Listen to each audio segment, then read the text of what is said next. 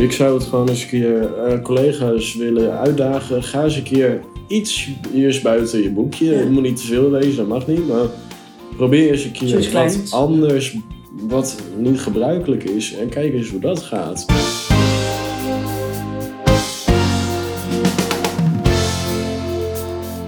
Welkom bij het Schaap met de Vijf Poten podcast.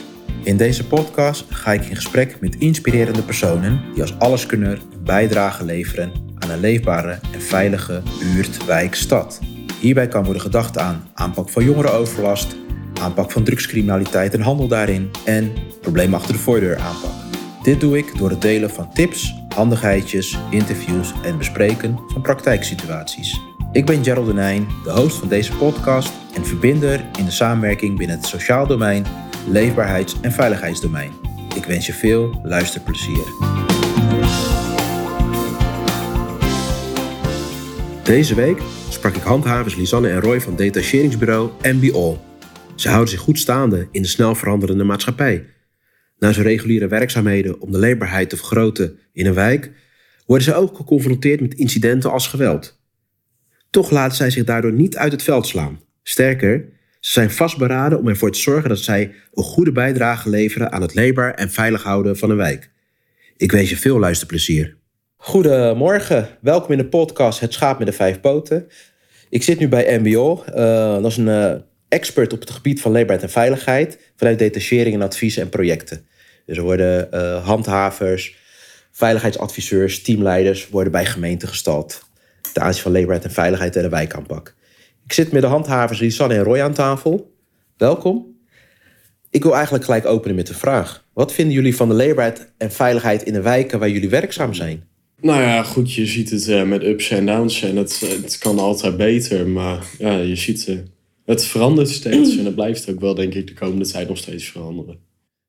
En, en wat bedoel je met veranderen? Om, om een bepaald beeld te krijgen? Nou ja, je ziet dat de houding uh, van politie verandert ten opzichte van hoe het voorheen was je ziet dat ons takenpakket heel erg verandert. Maar je ziet ook gewoon dat de inwoners in een wijk, uh, de jongeren, heel erg veranderen in vergeleken met wat ze nou ja, vroeger, om maar even zo te zeggen, deden en wat ze nu doen. Dat verandert wel heel snel. Kun je een klein, heel klein uh, voorbeeld geven dat, dat de luisteraar ook zoiets heeft van: oh ja, dit bedoelt uh, Roy daarmee te zeggen? Uh, kan van alles wezen: wapengebruik, drugsgebruik. Ja. social media is heel erg een ding tegenwoordig. Ja. Uh, het filmen bij incidenten, onze werkzaamheden filmen. Dat zijn wel dingen wat uh, heel erg snel verandert. Dankjewel. Ik, we komen er later tijdens het uh, interview nog op terug. Lisanne, en wat betekent dat voor jou? Wat vind je ervan? Ja, moeilijk. Um, ik ben het met Roy helemaal eens. Dat, dat bijvoorbeeld de jeugd heel erg is veranderd. Zeker na coronatijd. Veel meer jongeren hebben natuurlijk veel binnen gezeten. Ja. hebben zich verveeld kunnen nu eindelijk weer zich een beetje uitleven. Dus de leefbaarheid is wel weer oké, vind ik. Ja. Is weer, weer op, op peil gekomen na corona.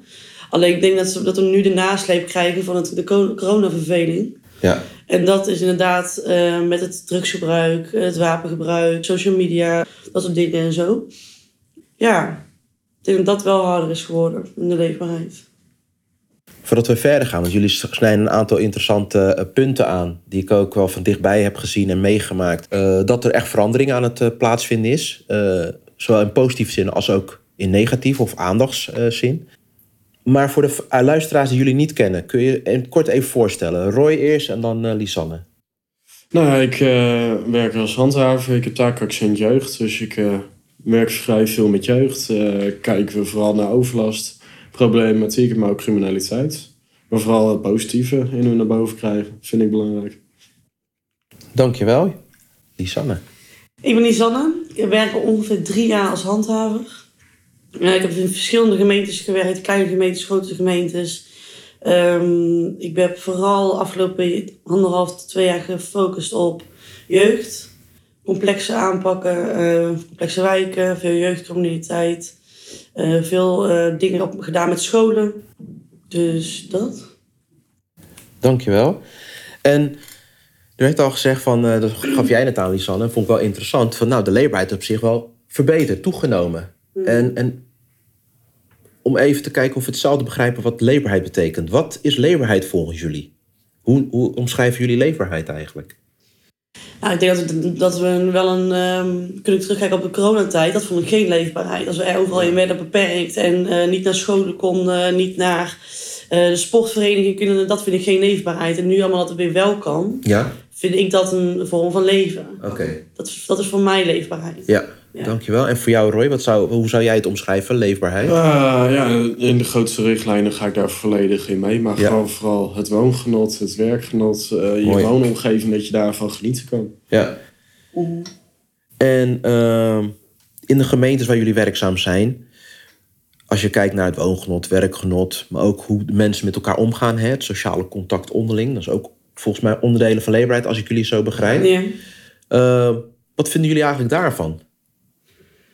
Nou, ik moet wel zeggen dat steeds meer mensen eh, niet meer naar elkaar durven toe te stappen. Mensen worden banger. Mensen gaan meer, eh, of sneller een melding maken bij handhaving. Ja. Van, gaan jullie maar eens naar mijn buren toe om te vragen of ze de kliko binnen moeten zetten op, eh, op die en die dag. Want dat mag dan, dan niet meer buiten staan.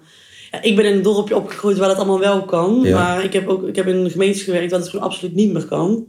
En dat vind ik dan wel echt chockerend. Dat vind ik dan wel een verharding. Dat vind ik wel, eh daar moeten we ons zorgen over maken. Ja. Als meer kan. En, en, en nou ja, je zegt iets over zorgen maken.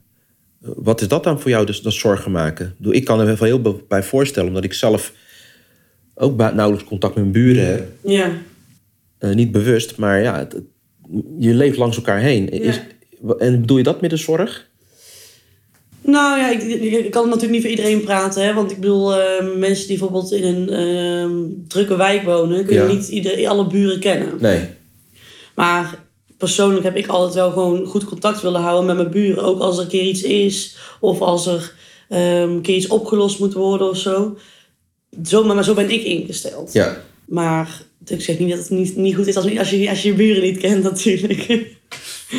nee, zeker niet. Oké. En jij, Roy, wat, wat is, hoe kijk jij er tegenaan? Nou ja, mijn ervaring op dat gebied is sowieso wel wat anders. Ik werk in het noorden van Nederland, dus Ja. dat is toch over het algemeen wat meer ons kent ons. En eh, nou ja, het- we lossen het zelf onderling wel op. Maar inderdaad zien wij ook wel heel veel terugkomen dat er heel veel om kleine dingen eigenlijk melding wordt gedaan bij ons. En dan moeten wij komen in uniform. Dat is voor de meeste mensen toch wel in één Mhm. keer... Oh, wat is dit? Er komt in één keer iemand in uniform aan de Ja. deur.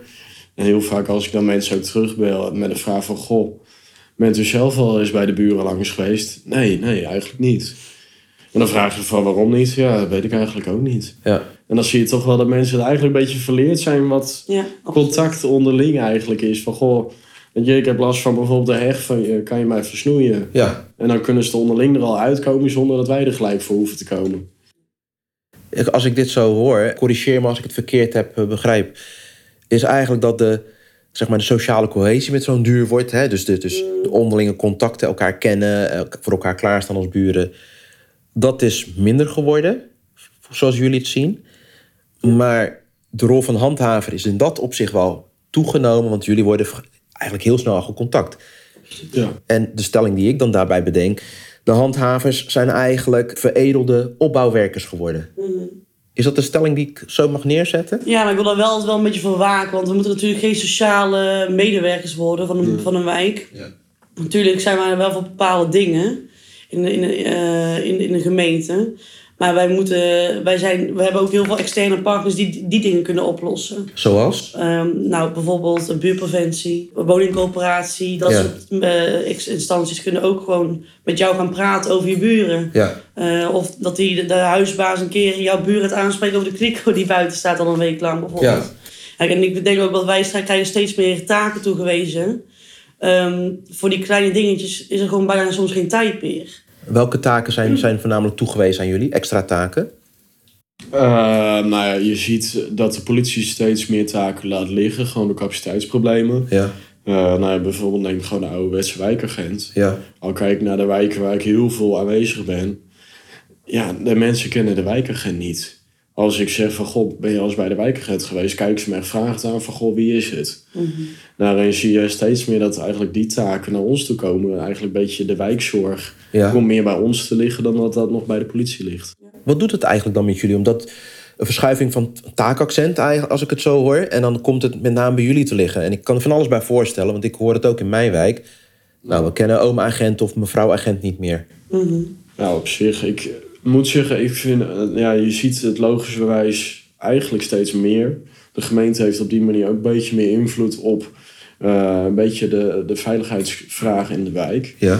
Op zich, ik vind het een goede ontwikkeling. Alleen ik vind het een beetje jammer dat je af en toe nog steeds meer bevoegdheden achterblijft. Ja. Je krijgt steeds meer ja, zooi over de schutting gegooid. Vind ik een beetje oneerbiedig klinken. Maar Ja. in feite is het wel zo. Ja. Je krijgt zooi over de schutting heen gegooid, maar bevoegdheden, ho maar. Ja.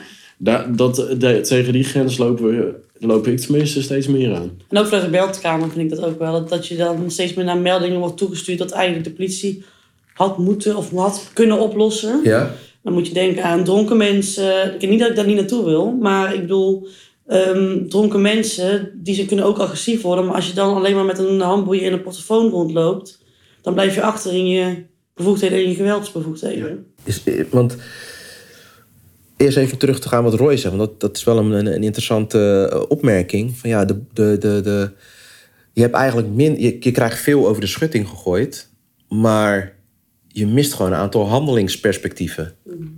Ja, klopt. En kun je misschien een voorbeeld vergeven wat je daarmee bedoelt? Want Nou ja, ehm, in, nou ja, goed, bijvoorbeeld zoals, eh, even kijken, dat was afgelopen zaterdagavond, Ja. de kermis bij ons in het gebied.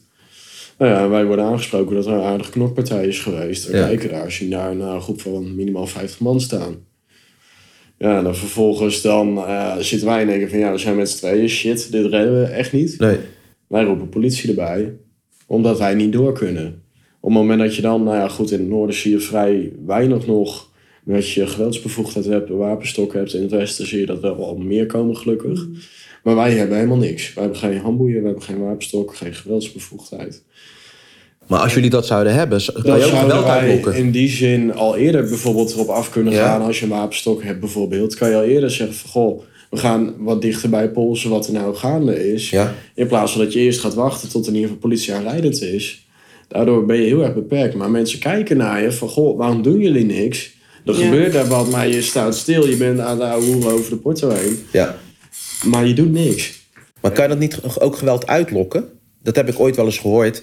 Ja, maar dat vind ik een hele moeilijke stelling. Ja? Want in principe is de politie heeft ook alles bij zich. Die heeft ook, mono- politie, eh, die heeft ook monopolie op het geweld. Sorry? Die heeft ook monopolie op het geweld. Hè? Die mag ook een wapen, een, een Ja, klopt. Maar de stelling van geweldsmiddelen hebben lokt geweld uit. Ja.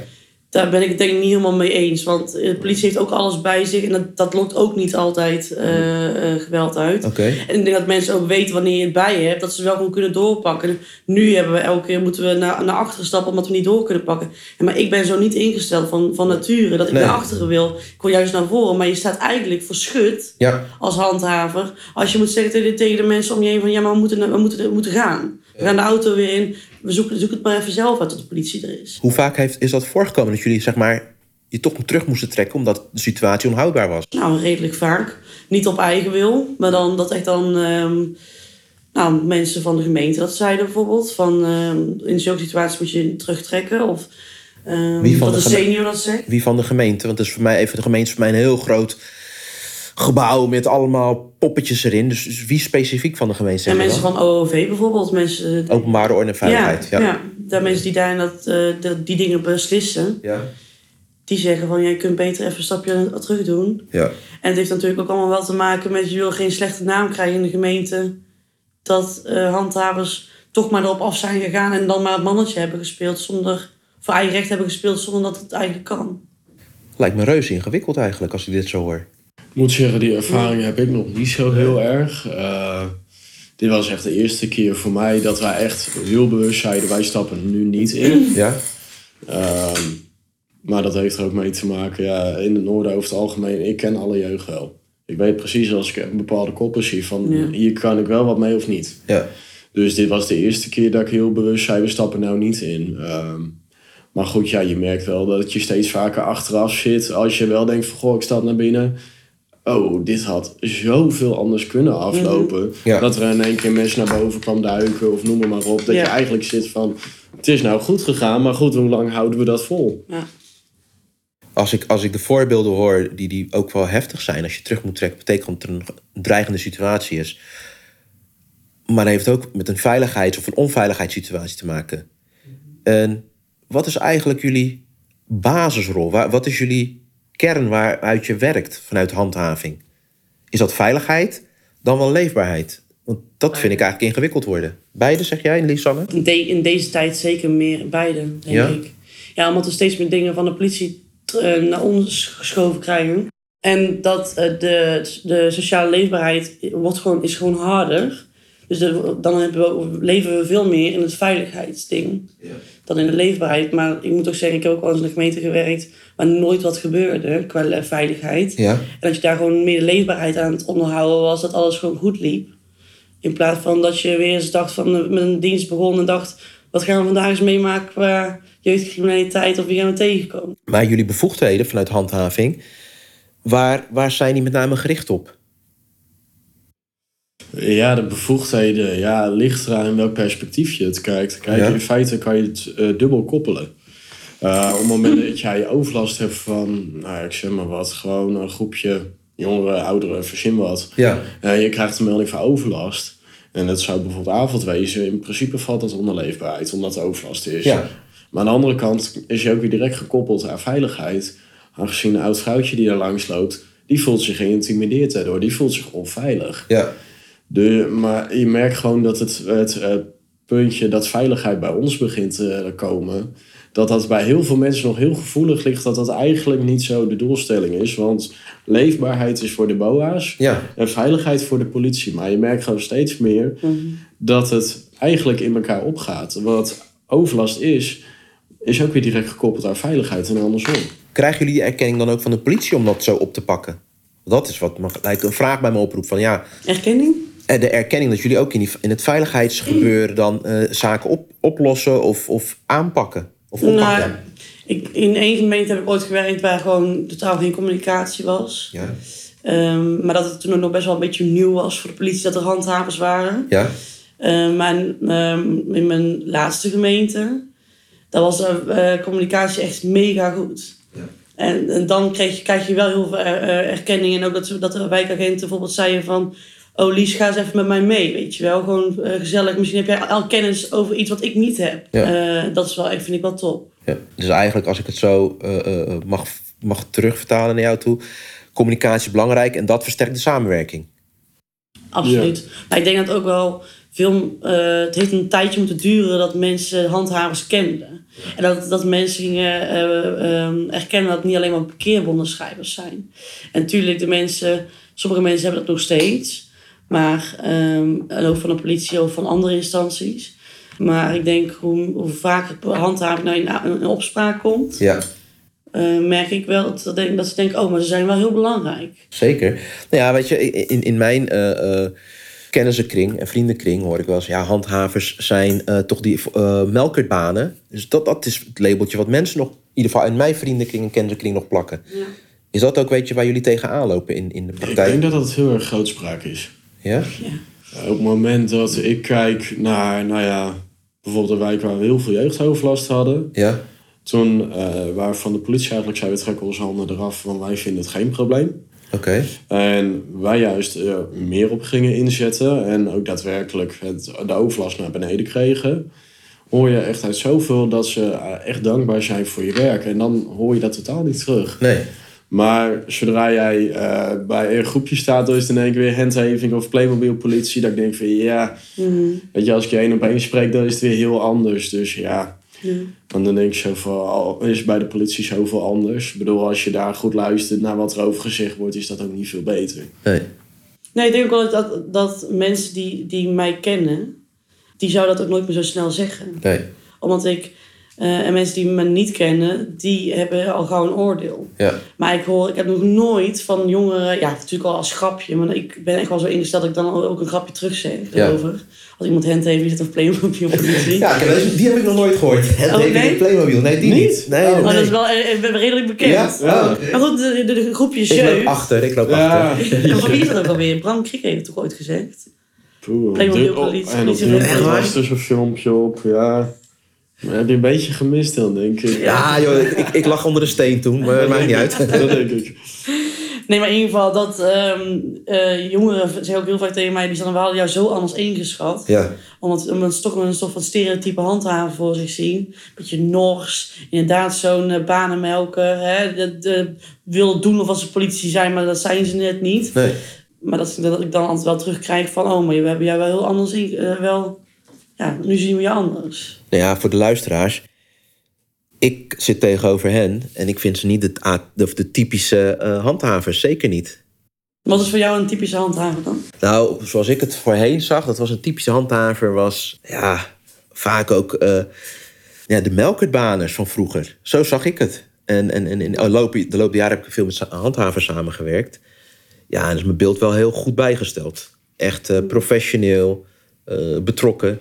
Absoluut. En, en dat is ook wel een, denk ik een, belangrijke van... Ja, jullie hebben nu het voornamelijk over de samenwerking met de politie. Ehm, maar ik neem aan dat jullie, of dat is mijn aanname... met meerdere partners samenwerken. Ja, zeker. Ja, absoluut. Ik werk veel samen met jongerenwerk. Oké, en hoe ziet dat dan eruit? Nou, in, eh, in, in die gemeente hebben we ehm eh, jobs. Dus jongere ontmoetingsplekken. Oké, een, eh, een soort van ha- hangout, een hangplek? Ja? Ja, je hebt, in sommige gemeentes heb je van die containers buiten. Dat is ook een job. Ja. Maar bij ons hebben we ehm eh binnenjobs. Dus echt in een soort van loods en een soort van in, in eh, sportcomplexen. Oh, Oké, En daar kunnen ze gewoon ja, chillen hè, op het, in hun taal. ja. Dus dan kunnen ze ehm, nou ja, boksen, tafeltennis, van alles kunnen ze daar doen. En dat is gewoon op vaste tijden in de week. Ja. Zowel smiddags als, eh, als 's avonds. 's avonds mogen de oudere jongeren komen, smiddags mogen de jongere jeugd komen. ja. En eh, daar ga ik dan gewoon langs. Oké. Zowel dan, s'avonds als, als middags. en, en, en dan, wat doe je eigenlijk daar? Echt socializen. Oh, echt? Dus echt Ik ben daar niet om te controleren of dat ze, eh, of dat ze daar eh, wel hun eh, hè, aan de regels houden. Tuurlijk, als ze daar lopen blowen binnen, dan ben ik de eerste die er iets van zegt. Ja, Maar ik ben daar echt om gewoon eens even mee te tafeltennissen of even met een potje te voetballen. Echt eens even te laten zien van... Hé hey jongens, ik ben er. Ik ben niet om jullie te controleren. Ik ben gewoon niet Sanne. Ik ben gewoon een meisje van 20. Kom maar braaf, want ik ben gezellig. En ik heb het uniform aan omdat ik het aan moet hebben. Eh, maar er zit ook niemand onder. Eh, ik kijk jou gelijk aan, Roy, want ik zie jou knikken. Ja, ja nee, dat herken ik wel. Ja, nee, zeker. Ik bedoel, nou ja, goed. Op zich, in de gemeente waar ik nou werk, was, ik, eh, was het vrij nieuw dat er vanuit handhaving ingezet werd op jeugd. Ja. Oh ja, bij Dus mij ook trouwens. Dat, eh, dat was op zich voor de jeugd wel in één keer wennen. Dat er in één keer iemand in uniform bij hun op de stoel belandde. Van, goh, wat heb ik nou weer gedaan? Maar dan was er niks. Gewoon gezellig een praatje maken. Of inderdaad even voetballen. Of eh, in een jongerencentrum even langs gaan. Ja. Ja, daardoor merk je wel dat, het, eh, dat hun beeld van een handhaver heel anders was dan dat het daadwerkelijk is. Ja. Op het moment dat je eigenlijk gewoon voor de gezelligheid langskomt, eh gewoon puur om kennis te maken, gewoon te weten wat er in nou ja, de wijken gebeurt, in de Ja. gemeente gebeurt. Ehm, ja, dat heeft heel veel voordelen op het moment dat er wel wat is. Ik wil het zeggen. Op het moment dat ik eh, bijvoorbeeld nou te horen krijg van nou, dit of dit speelt er, alleen we hebben er geen namen bij. Ja. Nou ja, als ik een beetje de omschrijving hoor van hoe ze eruit zien en een beetje het verhaal, dan kan ik al gelijk linken aan die of die. Dan kan ik gewoon even langs gaan voor een gesprekje en dan is het ook klaar. Ja. Dan hoef je, ik hoef eigenlijk nooit bevoegdheden in te zetten voor gedragsverandering. Nee. En dat komt gewoon puur doordat je eigenlijk vooraf al kennis hebt gemaakt, dat je vooraf niet zin bij hun in beeld bent en niet pas op het moment dat er wat speelt. Ja. Ik denk dat dat heel belangrijk is. Ja. ja, en ik had bijvoorbeeld ook Instagram Ja. als handhaver, als jeugdboa. Eh, pro- als professional of ook als, als privépersoon? Of... nee, als echt als, als opwerk. Oké, ja. Dus als ik klaar was met mijn dienst, sluit ik me echt, echt af. Ja. Ehm, maar daarop gingen eh, jongeren mij ook DM'en. ja. Gewoon En eh, DM staat voor? bericht sturen op eh, Oh, privé ja, via Instagram. ja. En dat kwam ook voort uit het feit dat ik daar gewoon vaak was. Dat Ja. er een vertrouwensband was. Dus hun gingen mij ook gewoon een appje sturen van... Yo, Lisanne, er speelt iets of ik zit ergens mee. Kan ik even met je praten, bijvoorbeeld? Ik heb echt wel eens een keer wat jongeren gehad die zeiden van... Ja, er is op iets op een school gebeurd, maar ik durf het niet tegen mijn mentor te zeggen. Maar ik wil het wel tegen jou zeggen. En dat komt voort uit het elke keer naar die jobs toe gaan. Ja. En dat vertrouwensband. En niet pas op, inderdaad wat eh, Roy zegt. Op het moment komen wanneer er echt iets aan de hand is. Echt zichtbaar zijn dus. Ja, zeker. Nee, maar dat herken ik wel. Eigenlijk werken wij in onze gemeente 100% op informatie uit jeugd. Ja. Ze komen naar Ja. ons toe van, goh, heb je dit filmpje al gezien van, een- van een situatie? Of Mooi. heb je dit al Ja. gehoord? Dus eigenlijk op basis van meldingen hoeven we weinig meer te doen. Omdat we al weten voordat de melding komt dat er al wat speelt. Dus kunnen we daarop inzetten. En wat doen jullie? Want sommige signalen zijn, neem ik aan, niet van jullie, maar kunnen ook van een andere partner zijn. Hoe, hoe, hoe communiceer je dat dan naar de andere partners toe? Ligt eraan. Kijk, we hebben natuurlijk gewoon beperkingen in de regels wat we mogen delen. Ja. Makkelijk zat. Eh, we mogen niet alles delen naar onze partners toe. En wat mag je niet delen? Eh, bepaalde informatie uit dossiers of dat soort zaken. Je kan niet alles in de details delen over Nee. personen. Maar dan doe je het in de algemeenheid. Eh, zou kunnen. Als we een bepaalde situatie hebben, dan kan je algemeen van... Goh, weet je, ik heb gehoord dat het wat onrustig is. Ja. Weten jullie er wat van? Oh, zo. Dat treed je bijvoorbeeld niet in de details als dat niet mag. Ja, Maar daardoor kan je wel informatie ophalen als ze dat weten. ja. Ik, ik doe dat wel met de politie. Met jongeren doe ik dat wel Ja, politie is ook een ander Ja. verhaal Ja. inderdaad. Maar En, en bijvoorbeeld eh, met, met een, eh, een partner die in, het, eh, in de zorg werkt, zorgdomein. Hoe ga je dan daarmee om? Want het kan dus pas zijn dat daar relevante informatie tot je komt. Ik vraag het eerst aan een jongen of dat ik dat mag delen. Ja? dat. Ja, ik denk dat als ik iemand eh, moet helpen met, er, met iets of zo, bijvoorbeeld met een verslaving, Ja. dan, en ik wil daar best wel mezelf hard voor maken en eh, bij jou, jou voorstellen aan bepaalde zorginstellingen, maar dan moet je me wel de vrijheid geven om alles te kunnen zeggen en te kunnen delen. Ja. Want als ik dat niet mag, kan ik je niet helpen. Heel duidelijk. Ja, geldt dat ook voor jou, Roy? Ja, tuurlijk. Kijk, uiteindelijk eh, gaat het om de jongeren zelf. Als die bepaalde dingen aangeven, ja, dat wil ik wel of niet. Ja, Ja. Dan heb je daar aan te houden, aangezien wij zijn ook gebonden aan regels. Ja. Lisanne, jij gaf aan, eh, je hebt voor kleine gemeentes eerst gewerkt, grote gemeentes, eh, maar ook onder andere eh ten aanzien van naar, richting scholen veel gedaan.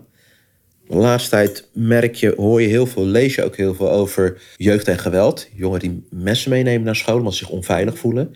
Hoe kijk je tegen die ontwikkeling eigenlijk aan? Ja, vind ik zorgwekkend. Vind ik echt heel erg. Wij deden in onze gemeentes best wel vaak klui- kluiscontroles. Ja, En wat er allemaal uit voortkwam, dat was dan echt... Ik- Toen ik 14, 15 was, nam ik nog een pop mee naar school. Even heel breed en heel Ja. overdreven gezegd. ja, Eh, en eh, wilde ik gauw weer naar huis naar mijn ouders toe. Maar ehm, wat uit die kluisjes kwam, gewoon messen, drugs, ehm, eh, dat soort ontwikkelingen. Ik vind het wel heel zorgelijk. Ik heb ook in een culturele wijk gewerkt. Eh, daar ehm, kwam het iets vaker voor. Met meerdere eh, bevolkingsgroepen bedoel je dat? Ja, ja, ja. ja.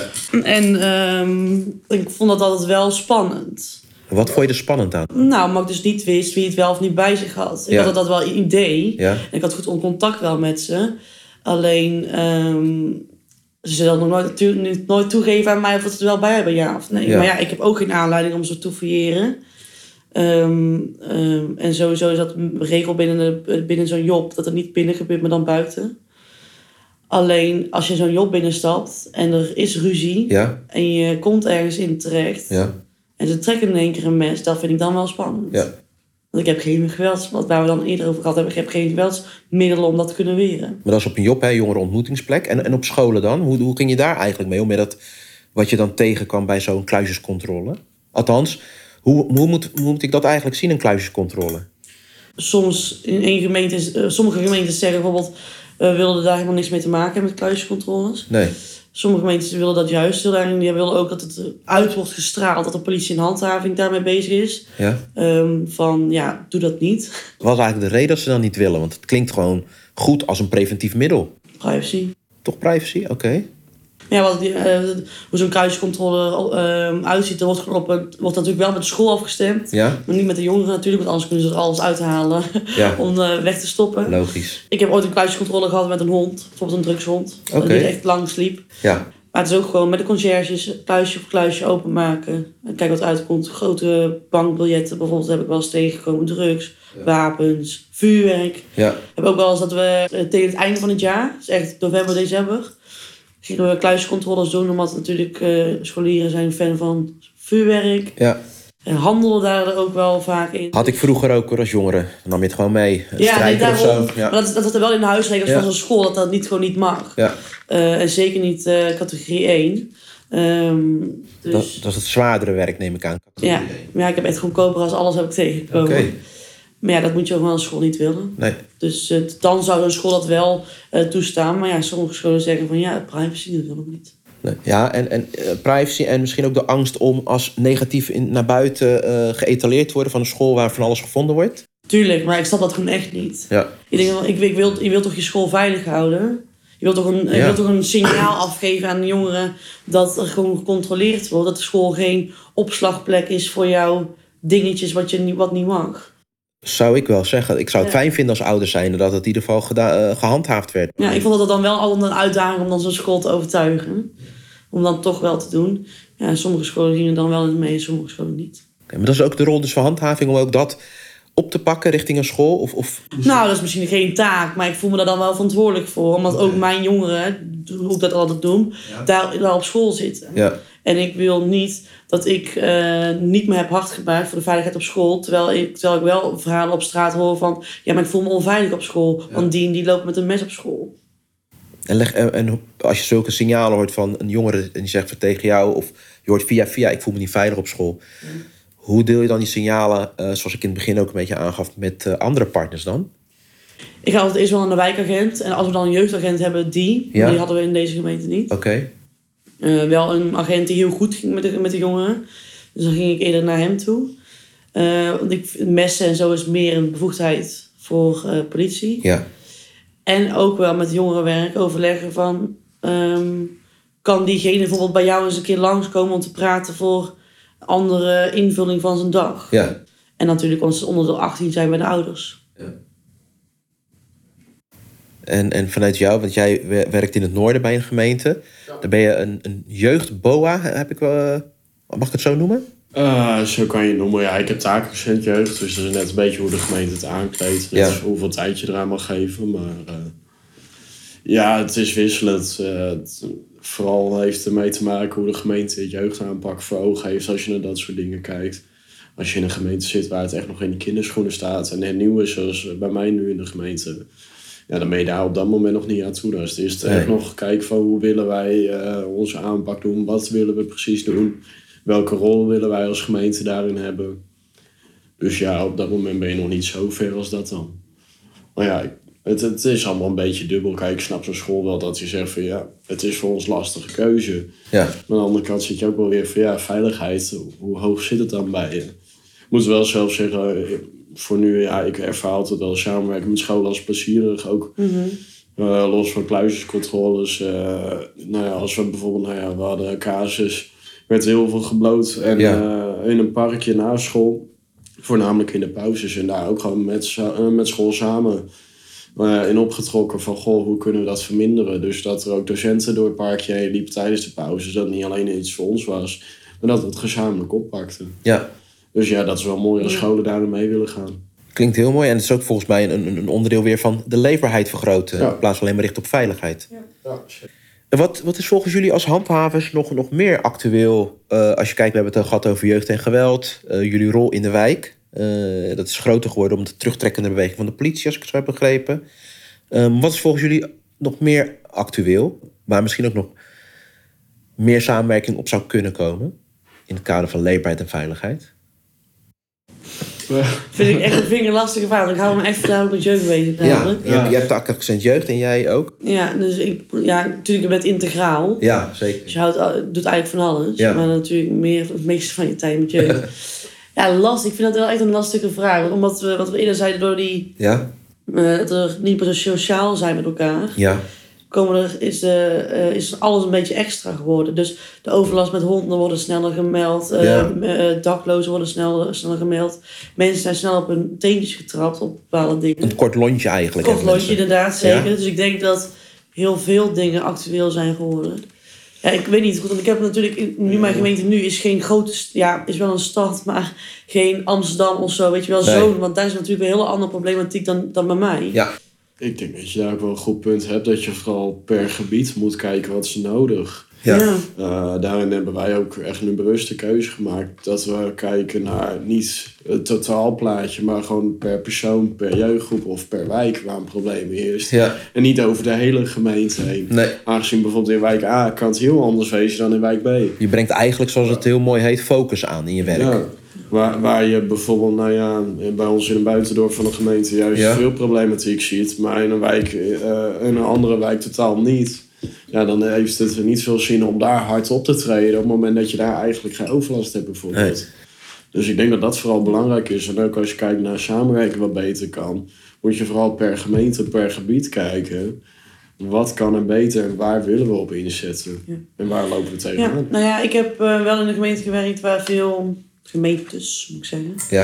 eh, waar veel ondermijning is. eh, is. Wat is dat eigenlijk? Want die, die term komt eh, linksom en rechtsom voorbij en allerlei rapporten. Maar voor de luisteraar die het misschien denkt van wat is dat eigenlijk? Ja, de, ver- de, mm, ja, de verwe- verweving, of noem je dat? Verwerving tussen de onderwereld en de bovenwereld. En wat is dat dan? Want klinkt een beetje als een soort Griekse eh, mythologie als ik het zo luister.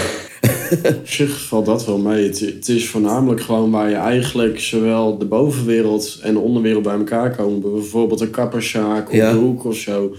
Waar bepaalde criminele activiteiten plaatsvinden. Witwassen, Oké. drugshandel, verzin het maar. ja?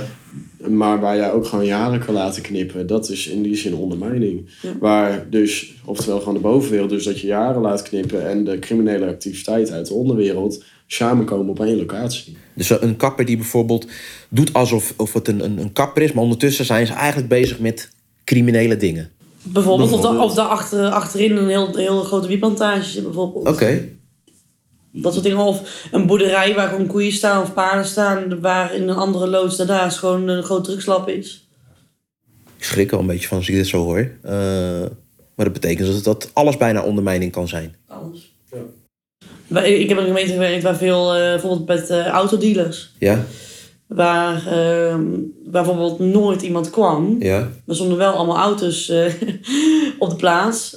Alleen, en, en dat bedrijf kon jarenlang bestaan. Ja, maar hoe kan dat? En deze niet aan online verkopen? Dat zou ook misschien... Maar ja, dat wordt allemaal natuurlijk uitgezocht natuurlijk. En wat, Oké. eh, bijvoorbeeld wat eh, stroomverbruik is en zo. Ja. Onder andere.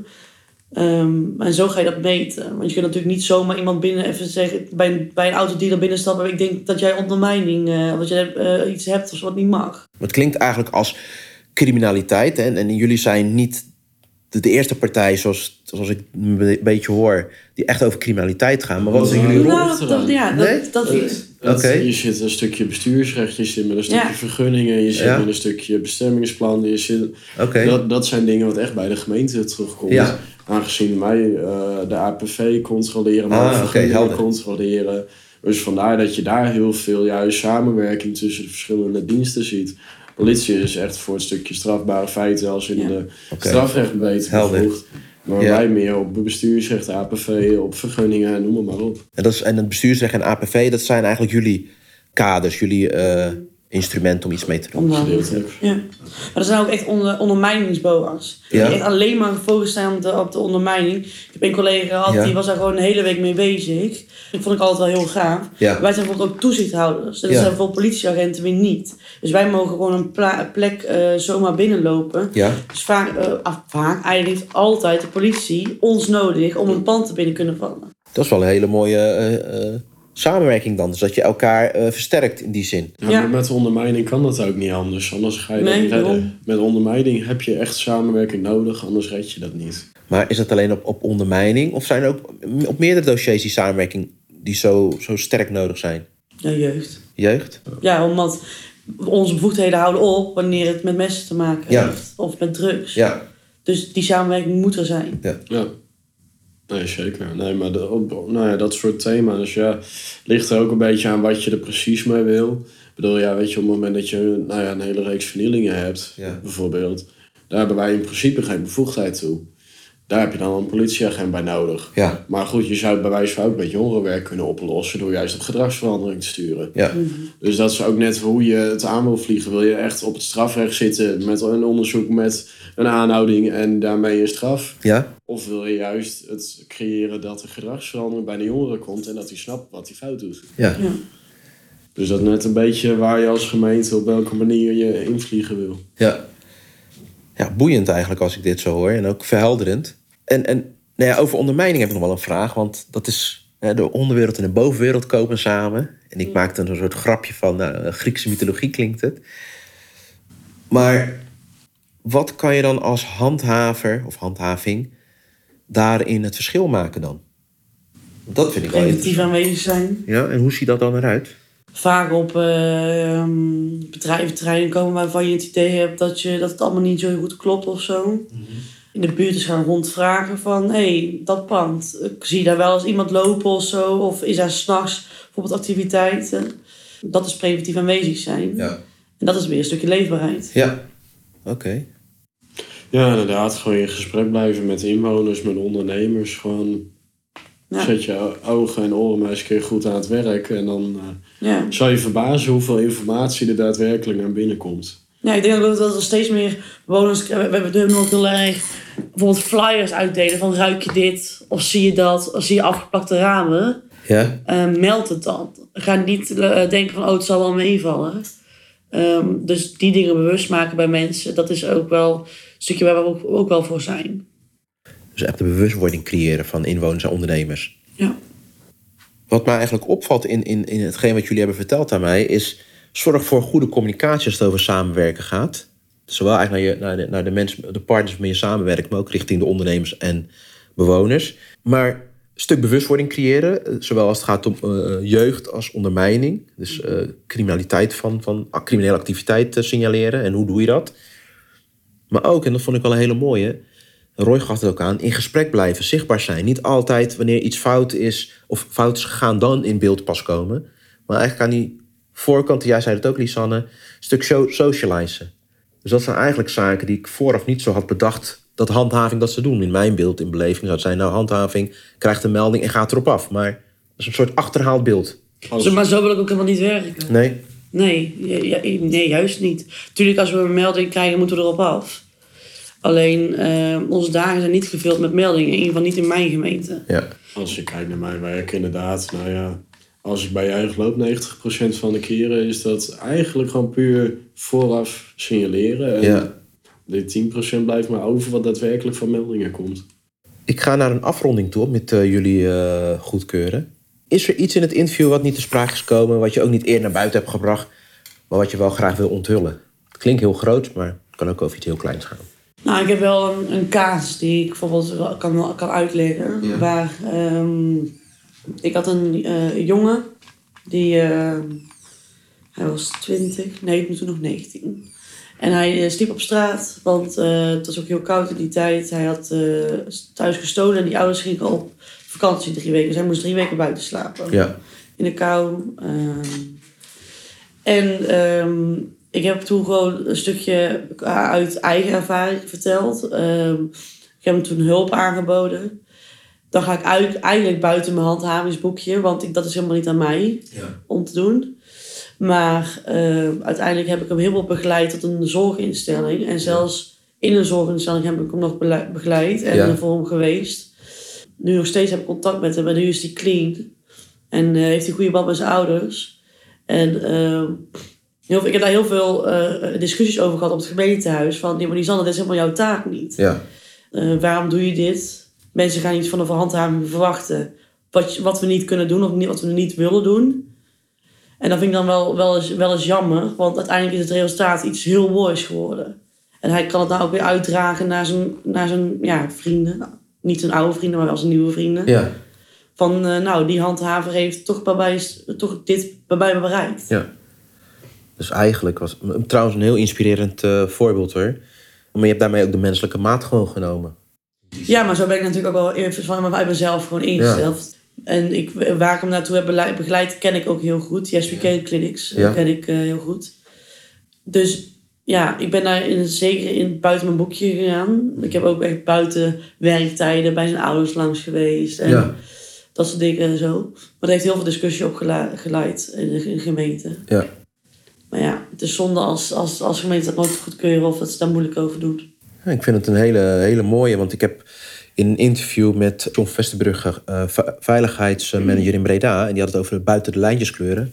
Wat jij eigenlijk nu als voorbeeld geeft, is buiten de lijntjes kleuren. Ja, ontzettend. Ja. want ik had eigenlijk al moeten stoppen nadat ik hem was tegengekomen op straat.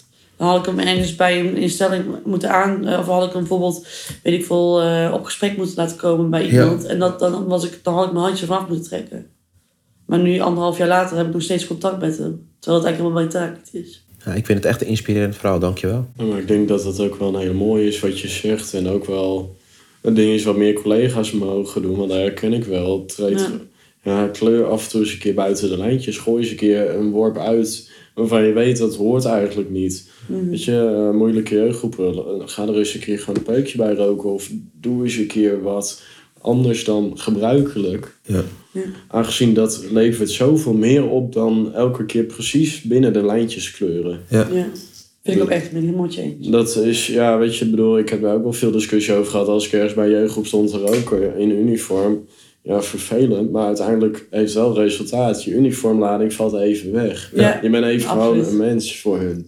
Ja. Het uniform valt weg puur door alleen dat ik een sigaretje in mijn klauw heb. Ja. Dan zeggen ze, nou, dat hadden we niet van jou verwacht. Nee, maar weet je, het, het is... En dan krijg je achteraf weer de discussie als het gezien wordt en doorgegeven wordt. Ja. Ja. Ik zou het gewoon eens een keer eh, collega's willen uitdagen. Ga eens een keer iets eerst buiten je boekje. Ja. Het moet niet te veel wezen, dat mag niet. Maar probeer eens een keer Zoiets wat kleins. anders, wat niet gebruikelijk is. En kijk eens hoe dat gaat. Ik vind het een hele mooie oproep, Roy. Die, eh, die houden we vast. En die gaan we ook eh, prominent eh, neerzetten in, eh, ja, voor deze podcast. En tot slot, waar kunnen eh, mensen jullie eh, of meer over jullie te weten komen? Jij zegt over Instagram, maar heb je dat nog? Als, eh, Ik heb het wel, maar ik ben niet heel actueel meer. Oké. Maar ik denk dat mensen vooral eens gewoon eens naar de gemeente moeten toe gaan. En gewoon eens bij de balie moeten vragen van... Hé, hey, maar wie zijn jullie handhavers? En ga eens een keer met hun in gesprek of spreek ze op straat gewoon eens aan. Want wij hebben bijvoorbeeld niet echt een meldnummer. Wij hebben geen 900-nummer of een 112-nummer. Nee. Die ze bij ons kunnen melden. Bij ons in de gemeente hebben we wel een buiten beter app bijvoorbeeld. Oh, ja. Waar, ze ons, eh, waar, ze, waar wij naartoe kunnen gaan. Alleen spreek ze gewoon eens aan. Maak eens gewoon eens een praatje. Vertel eens wat er in jouw wijk gebeurt. Ehm, dat soort dingen. Ja. Ja, daar sluit ik me bij aan. Maar ook voor de collega's, ga gewoon eens een keer in gesprek met mensen. Ja. Ja. Weet je, pak gewoon eens een keer een klapstoeltje en ga gewoon eens in een winkelcentrum zitten. Je ziet steeds meer gebeuren, maar het werkt echt resultaat af. ja, mooi. Ja, beneden bij de gemeentehuis bijvoorbeeld. Ja, bijvoorbeeld. moeten mensen moeten wachten op een, op een afspraak. Kun je gewoon eens even beneden gaan zitten. Ja, het heeft een dubbele werking. Zowel inwoners kunnen dat doen, maar dat kunnen de collega's ook doen. Ja, En moet juist van beide kanten komen. Super. Nou, dank voor jullie eh, mooie verhalen. En ook de openheid dat jullie zo hebben verteld. Dus dank daarvoor. graag gedaan. Graag gedaan. Handhavers Lisanne en Roy vinden het belangrijk om goed in contact te staan met inwoners, ondernemers en partners als politie en jongerenwerk. Ze geven in het interview goed weer hoe zij te werk gaan en vooral wat het belang is van zichtbaar en aanwezig zijn in de wijk en welk effect dat heeft. Toffe professionals die in staat zijn om samen met inwoners, ondernemers en partners een wijk leefbaar en veilig te houden. Dank voor het beluisteren van de podcast en tot de volgende keer. Leefbaarheid en veiligheid in een buurt, wijk, stad.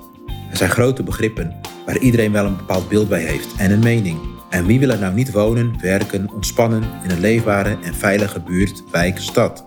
Er zijn de alleskunners, zoals een wijkagent, burgemeester, leerkracht, handhaver, jongerenwerker, gemeenteambtenaar die samen met inwoners en ondernemers voor een leefbare en veilige buurt, wijk, stad gaan. In de podcast Het Schaap met de Vijf Poten komen verschillende zienswijzen, methodieken, tips en handigheidjes aan de orde. Waar jij je voordeel mee kan doen hoe een buurt, wijk, stad leefbaarder en veiliger wordt. Ben je enthousiast? Abonneer je op deze podcast en laat een review achter. Hoe meer reviews worden ontvangen, hoe meer mensen deze podcast vinden. Zo zorgen we samen voor het delen van kennis en kunde om de leefbaarheid en veiligheid in de buurten, wijken, steden te vergroten. Het schaap met de vijf poten.